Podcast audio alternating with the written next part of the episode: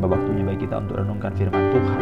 Dan pada pagi hari ini kita akan sampai pada Ibrani pasal yang ke-6 ayat yang ke-13 sampai ayat yang ke-20. Ibrani pasal yang ke-6 ayat yang ke-13 sampai ayat yang ke-20. Demikianlah firman Tuhan. Sebab ketika Allah memberikan janjinya kepada Abraham, ia bersumpah demi dirinya sendiri, karena tidak ada orang yang lebih tinggi daripadanya. Katanya, Sesungguhnya aku akan memberkati engkau berlimpah-limpah dan akan membuat engkau sangat banyak. Abraham menanti dengan sabar dan dengan demikian ia memperoleh apa yang dijanjikan kepadanya. Sebab manusia bersumpah demi orang yang lebih tinggi dan sumpah itu menjadi suatu pengokohan baginya yang mengakhiri segala bantahan. Karena itu, untuk lebih meyakinkan mereka yang berhak menerima janji itu akan kepastian putusannya, Allah telah mengikat dirinya dengan sumpah supaya oleh kenyataan yang tidak berubah-ubah tentang mana Allah tidak mungkin berdusta, kita yang mencari perlindungan beroleh dorongan yang kuat untuk menjangkau pengharapan yang terletak di hadapan kita. Pengharapan itu adalah sau yang kuat dan aman bagi jiwa kita yang telah dilabuhkan sampai ke belakang tabir di mana Yesus telah masuk sebagai perintis bagi kita ketika ia menurut peraturan Melkisedek menjadi imam besar sampai selama-lamanya. Sampai di sini pembacaan firman Tuhan. Umat-umat yang dikasih Allah, bagian terakhir yang kita renungkan tentang pasal 6 ini sebelum kita masuk kepada pembacaan yang akan kita renungkan pada pagi ini adalah suatu peringatan agar kita jangan menjadi lamban, tetapi menjadi penurut-penurut orang-orang yang telah melalui suatu waktu yang lebih dulu dalam iman. Ibrani pasal yang ke-6 ayat 12. Jadi ada contoh-contoh orang-orang yang telah beriman. Dan kalau kita baca dalam Ibrani pasal 12 ayat 1, mereka disebut adalah saksi seperti awan yang mengelilingi kita. Perjuangan iman ini bukanlah perjuangan bagi kita saja, tapi dari dulu, dari dulu memang sudah ada. Jadi pada waktu kita diperkenalkan tentang apa yang Kristus lakukan, perjalanan iman, khususnya orang Ibrani, di tengah-tengah kesulitan, penderitaan, penganiayaan, mereka diarahkan kepada Kristus. Mereka diberitahu bahwa sebenarnya apa yang Allah berikan kepada mereka itu sudah dikerjakan Allah sebelum-sebelum-sebelum. Oleh sebab itu, turutilah mereka-mereka yang sudah lebih dulu berjuang. Mereka adalah orang-orang yang menjadi penurut, penurut-penurut, penurut-penurut dalam apa yang ditentukan Allah, penurut-penurut dalam apa yang disediakan Allah dalam apa yang dianugerahkan Allah. Jadi mereka adalah orang-orang yang berhasil. Mereka penurut. Jadi kamu pun hendaknya berhasil. Bagaimana? Taatlah, nurutlah. Nah, dengan demikian maka kamu akan kedapatan sebagai orang yang menerima apa yang dijanjikan Allah. Kamu tidak terbuang. Kamu bukan orang yang murtad, tapi kamu menanggap, kamu menerima apa yang dijanjikan Allah. Itu sebabnya pada waktu dia menceritakan tentang tokoh-tokoh, orang-orang yang telah mendahului beriman, merespon apa yang Allah anugerahkan, dan mereka menerima janji. Maka contoh yang paling tepat, paling gampang diingat adalah tentang Abraham. Karena Abraham itu adalah bapak daripada orang-orang Yahudi ini sendiri. Atau bisa kita sebut sebagai bapak orang percaya. Bapak kita juga bapak orang percaya. Abraham, ayat yang ke-13. Sebab ketika Allah memberikan janjinya kepada Abraham, ia bersumpah demi dirinya sendiri karena tidak ada seorang pun yang lebih tinggi daripadanya. Kata Tuhan Allah, sesungguhnya aku akan memberkati engkau berlimpah-limpah dan akan membuat engkau sangat banyak. Ayat 15. Abraham menanti dengan sabar dan dengan demikian ia memperoleh apa yang dijanjikan kepadanya. Jadi kita ingat pada waktu tentang Abraham, maka Allah memberikan firman-Nya. Ini dulu yang penting saudara. Allah memberikan janjinya, Allah memberikan firman-Nya. Jadi ini adalah hal yang penting, ini adalah hal yang sentral, ini adalah titik utama. Karena semua iman itu bukan berdasarkan Abrahamnya, tapi berdasarkan janji Allah, berdasarkan firman Allah. Yang kedua, nanti pada waktu kita sementara beriman ini, kita akan diminta untuk bersabar. Nah, ini adalah yang kita sebut dengan pengharapan. Dan pengharapan itu bukan ditujukan kepada Abrahamnya, pengharapan itu bukan ditujukan kepada kitanya, tetapi ditujukan kepada apa yang dijanjikan Allah. Nah, jadi hari ini mari kita arahkan pengertian kita kepada objek, objek daripada iman, objek daripada pengharapan. Jadi kenapa saya berharap? Apa yang saya harapkan? Kenapa saya beriman? Saya beriman terhadap apa? Bukan kepada manusia, tapi kepada apa yang dijanjikan oleh Allah. Jadi ini penting sekali bagi kita untuk mengerti Jadi kita beriman kepada Allah bukan supaya kita mendapatkan apa yang kita inginkan. Nah, jadi kalau kita beriman, beriman, beriman, sering kali kita beriman sebenarnya untuk mendapatkan apa yang kita inginkan. Padahal kita beriman, objeknya bukan keinginan kita, tapi objeknya adalah kehendak Allah. Jadi kita ulang baca ya ayat yang ke-13. Sebab ketika Allah memberikan janjinya kepada Abraham. Jadi siapa yang berjanji? Allah. Jadi intinya pusatnya objeknya adalah janji Allah. Nah, saudara harus memahami ya, jangan lupa, jangan keliru. Jadi banyak sekali hari-hari ini kita diajak, kita diajar, kita mendengarkan khotbah-khotbah, berimanlah, berimanlah. Orang yang berharap kepada Tuhan tidak akan pernah kecewa. Orang yang menanti-nantikan akan mendapatkan sesuatu pertolongan dan jawaban. Berserulah, mintalah, maka akan diberikan kepadamu. Percayalah, dia akan memberikannya. Nah, khotbah-khotbah seperti itu secara kalimat bagus, tidak sadar, tetapi di baliknya harusnya kita tahu bahwa kalimat-kalimat itu mengarahkan kita pada apa yang kita inginkan. Apa yang kamu inginkan? Kamu mau punya rumah. Apa yang kamu inginkan? Kamu mau bisa sarjana. Apa yang kamu inginkan? Kamu bisa dapat limpah gaji. Apa yang kamu inginkan? Kamu bisa mendapatkan penghasilan tambahan. Nah, ini yang kita doakan. Jadi kita lupa, kita menjadikan iman dan pengharapan itu kehilangan makna utama. Makna utamanya itu adalah berasal dari Allah. Makna utamanya itu adalah kehendak Allah. Makna utamanya itu adalah inisiatif dari Allah. Jadi Ibrani pasal 6 ayat yang ke-12 mengatakan kepada kita jangan lamban tetapi menjadi penurut-penurut mereka yang oleh iman dan kesabaran mendapat bagian dari apa yang dijanjikan Allah. Garis bawahi apa yang dijanjikan Allah ayat 13. Sebab ketika Allah memberikan janjinya kepada Abraham, diulangi lagi, garis bawahi lagi, Allah yang memberikan janji. Jadi ia bersumpah demi dirinya sendiri. Ayat yang ke-14, aku akan memberkati engkau. Jadi ini dari Tuhan, aku akan memberkati engkau. Dan kalau kita baca Ibrani pasal 6 ayat yang ke-14, aku akan memberkati engkau, itu sebenarnya bukanlah kalimat di mana berkat kita mendapatkan uang, kita mendapatkan kekayaan, memang kita tahu bahwa Abraham itu adalah orang yang memang pada akhirnya adalah kita sebut orang kaya. Benar saudara-saudara, Abraham itu adalah orang kaya. Tetapi pada waktu Alkitab membicarakan berkat dalam perjanjian lama, itu bukan semata-mata suatu kalimat-kalimat yang kita sebut sebagai hal-hal yang bersifat jasmani. Berkat di situ adalah seluruh kehidupan. Jadi kalau kita membaca bagian-bagian itu, maka pada waktu itu itu adalah sebenarnya berita Injil berita Injil. Coba kita bandingkan Galatia pasal yang ketiga ayat yang ke-16. Galatia pasal 3 16. Adapun kepada Abraham diucapkan segala janji itu dan kepada keturunannya. Tidak dikatakan kepada keturunan-keturunannya. Jadi jelas sekali ya, tidak dikatakan kepada keturunan-keturunannya, tapi hanya satu orang dan kepada keturunanmu yaitu Kristus. Maksudku ialah janji yang sebelumnya telah disahkan Allah 12 tidak dapat dibatalkan oleh hukum Taurat yang baru terbit 430 tahun kemudian sehingga janji itu hilang kekuatannya. Jadi saudara lihat di sini kalimat ini adalah oleh keturunanmu. Jadi oleh keturunanmu itu adalah keturunan yang bersifat Kristus. Janji tentang Kristus. Kristus, ya kalau kita baca Galatia pasal yang ketiga, ayat yang ke-13 dan 14. Kristus telah menebus kita. Ayat 14. Yesus Kristus telah membuat ini supaya di dalam Yesus Kristus berkat Abraham sampai kepada bangsa-bangsa lain. Sehingga oleh iman kita menerima roh yang telah dijanjikan itu. Jadi kembali kalau kita bisa melihat Alkitab dengan jujur bahwa waktu Alkitab mengatakan kepada Abraham, aku akan memberkati engkau, itu bukanlah sesuatu yang harus kita pahami semata-mata. Langsung berkat jasmani. Aku percaya sama seperti kepada Abraham. Tidak. Ini bicara yang fundamental, yang dasar dulu. Yaitu apa tadi? Berita tentang keselamatan. Oke, okay? berita tentang keselamatan. Jadi dari keturunan maka keselamatan itu hadir. Sebelum saya sampai kepada satu bagian ini, saya ingin menyisipkan satu pengingat bagi kita bahwa dalam perjanjian lama cara Allah untuk menyatakan keselamatannya itu memang senantiasa bekerja dalam sejarah dan melalui hal-hal yang fisik. Sebagai contoh misalnya, keselamatan tidak mungkin datang kalau tidak ada keturunan.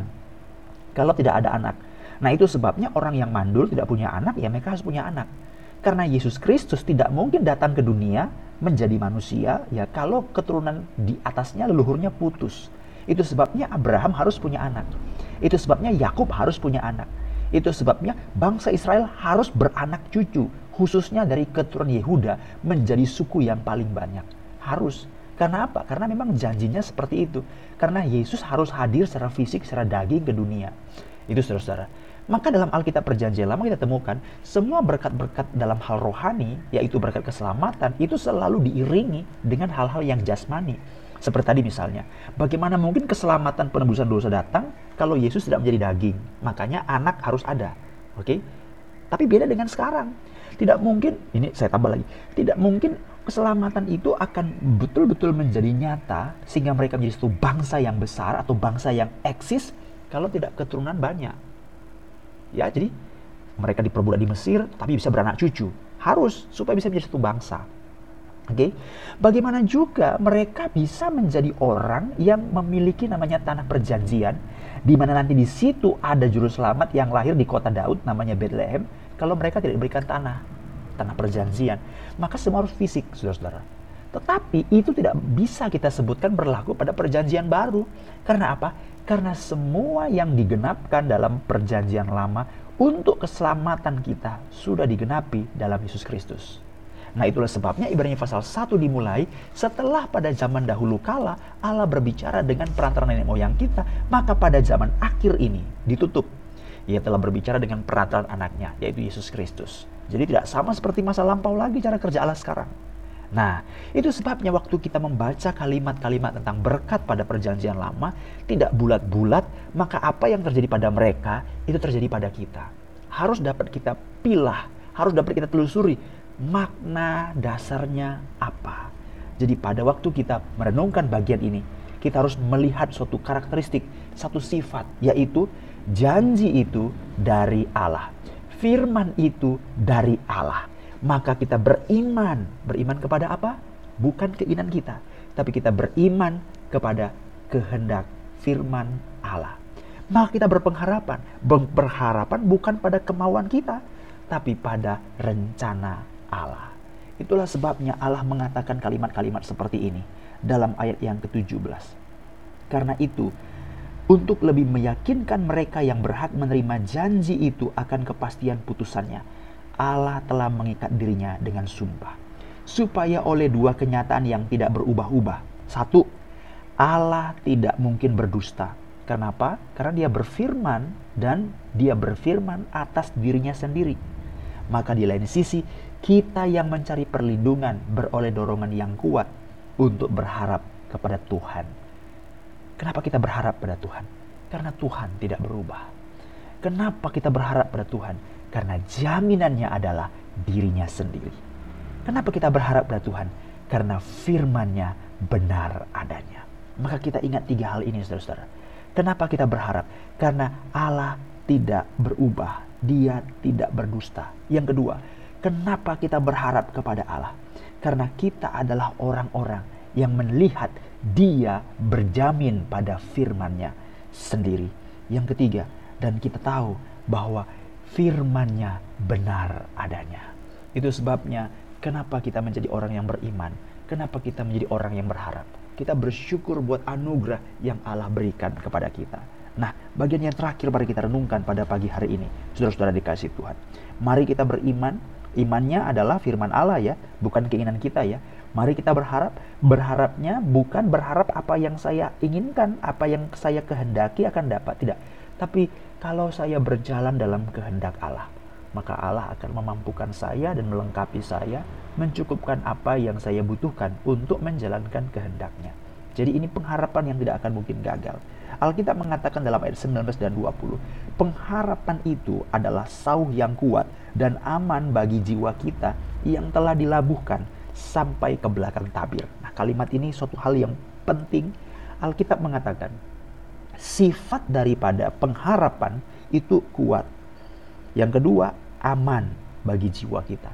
Nah, kenapa aman? Kenapa kuat? Kuat karena tadi sudah kita bicarakan, Allah tidak berubah. Lalu jaminannya adalah firman-Nya. Dan yang ketiga, firmannya itu tidak berdusta, dia itu benar adanya, dia suci. Itu sebabnya kuat. Tapi kenapa aman? Kenapa aman?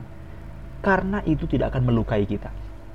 Kalau misalnya itu pengharapan menurut keinginan kita, lalu nggak kesampaian, besar loh kemungkinan kita akan kecewa. Ya, kalau itu pengharapan berdasarkan keinginan kita, lalu nggak kesampaian, besar loh harapan untuk kita kecewa. Betul sekali, saudara-saudara. Itu sebabnya pengharapan bukan berdasarkan keinginan kita. Karena kalau pengharapan berdasarkan keinginan kita, lalu yang kita inginkan itu tidak capai, tidak ketemu, tidak dapat, maka kita akan kecewa. Sungguh-sungguh kita akan kecewa. Dan waktu kita kecewa itu melukai kita. Bagaimana mungkin kita mengatakan pengharapan itu aman bagi jiwa kita? Nggak mungkin dong. Tapi Alkitab mengatakan pengharapan itu aman bagi jiwa kita. Ibrani pasal yang ke-11 ayat yang ke-39. Ibrani 11 ayat 39. Dan mereka semua orang-orang beriman tidak memperoleh apa yang dijanjikan itu. Mereka semua tidak memperoleh apa yang dijanjikan itu sekalipun iman mereka telah memberikan kepada mereka suatu kesaksian yang baik. Mereka beriman, dan iman mereka itu menunjukkan suatu kepastian dan kesaksian. Yes, you are right, kamu benar, kamu nggak keliru, kamu beriman, betul-betul kamu beriman. Tapi mereka nggak dapat apa-apa. Kira-kira kecewa nggak? Nggak kecewa. Kenapa nggak kecewa? Tadi sudah kita bicarakan. Karena objek pengharapan kita bukanlah keinginan kita, tapi pada janji Allah maka kita tidak kecewa. Kalau saya mengharapkan permen, lalu saya nggak dapat permen, saya kecewa. Kecewa. Kenapa? Karena saya mengharapkan permen.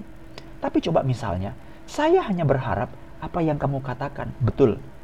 Maka apa pun yang dia lakukan, apa pun yang dikerjakan, saya tidak akan kecewa. Karena saya meletakkan semuanya pada apa yang dia bilang.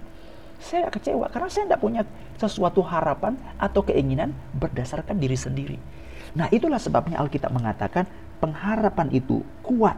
Karena Allah jaminannya, firmannya jaminannya, dia tidak mungkin berdusta, dia tidak mungkin berubah. Dan pengharapan itu aman, tidak melukai hidup kita. Aman bagi jiwa kita. Dan yang ketiga, dilabuhkan sampai ke belakang tabir. Ini bicara tentang apa yang telah Kristus lakukan di kayu salib. Karena pada waktu orang Israel bicarakan tentang tabir, maka mereka sedang bicarakan tentang kemah suci, di mana ada ruang maha kudus, tidak ada seorang pun yang boleh masuk ke sana, dan kalau ada orang masuk ke sana tanpa suatu peraturan yang ditetapkan, mereka akan mati. Tetapi kita bersyukur kepada Tuhan, kita tidak menghadapi kematian dan kengerian yang seperti itu lagi, karena sudah ada Kristus yang mati bagi kita. Itu sebabnya Alkitab mengatakan pengharapan kita tidak hanya berhenti pada satu titik. Pengharapan kita tidak hanya berhenti pada satu tingkatan. Pengharapan kita bukan hanya pada suatu tempat tertentu, tapi pengharapan kita jauh melintasi dengan sempurna sampai ke belakang tabir. Itu sebabnya kita tidak akan pernah kecewa. Tapi Alkitab bilang begini, di mana Yesus telah masuk sebagai perintis bagi kita Perintis itu berarti orang yang memulai. Artinya, setelah dia memulai, berarti kita juga akan mengikuti. Dia yang memulai berarti kita juga akan mengikuti. Berarti pada waktu kita merenungkan bagian ini, ingat, marilah kita jangan menjadi orang yang lamban, tetapi menjadi orang yang penurut. Penurut siapa? Teladan-teladan iman. Ikutilah mereka waktu mereka beriman, waktu mereka berpengharapan. Iman dan pengharapan mereka bukan diletakkan pada keinginan mereka, tapi pada firman dan perkataan Allah. Waktu iman dan harapan kita kita letakkan pada firman Allah, itu kuat, itu aman. Tidak kita kecewa karena Allah tidak berdusta. Firmannya itu pasti akan jadi, jaminannya itu pasti.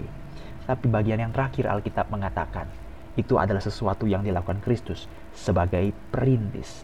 Artinya apa? Kita perlu menjadi orang yang terus mengikuti jejak Kristus yaitu bukan hanya sekedar kita beriman untuk perjalanan iman kita. Kita berharap untuk perjalanan rohani kita. Tidak. Tapi kita juga meninggalkan jejak yang nanti kita ikuti Kristus dan orang juga akan lihat hidup kita.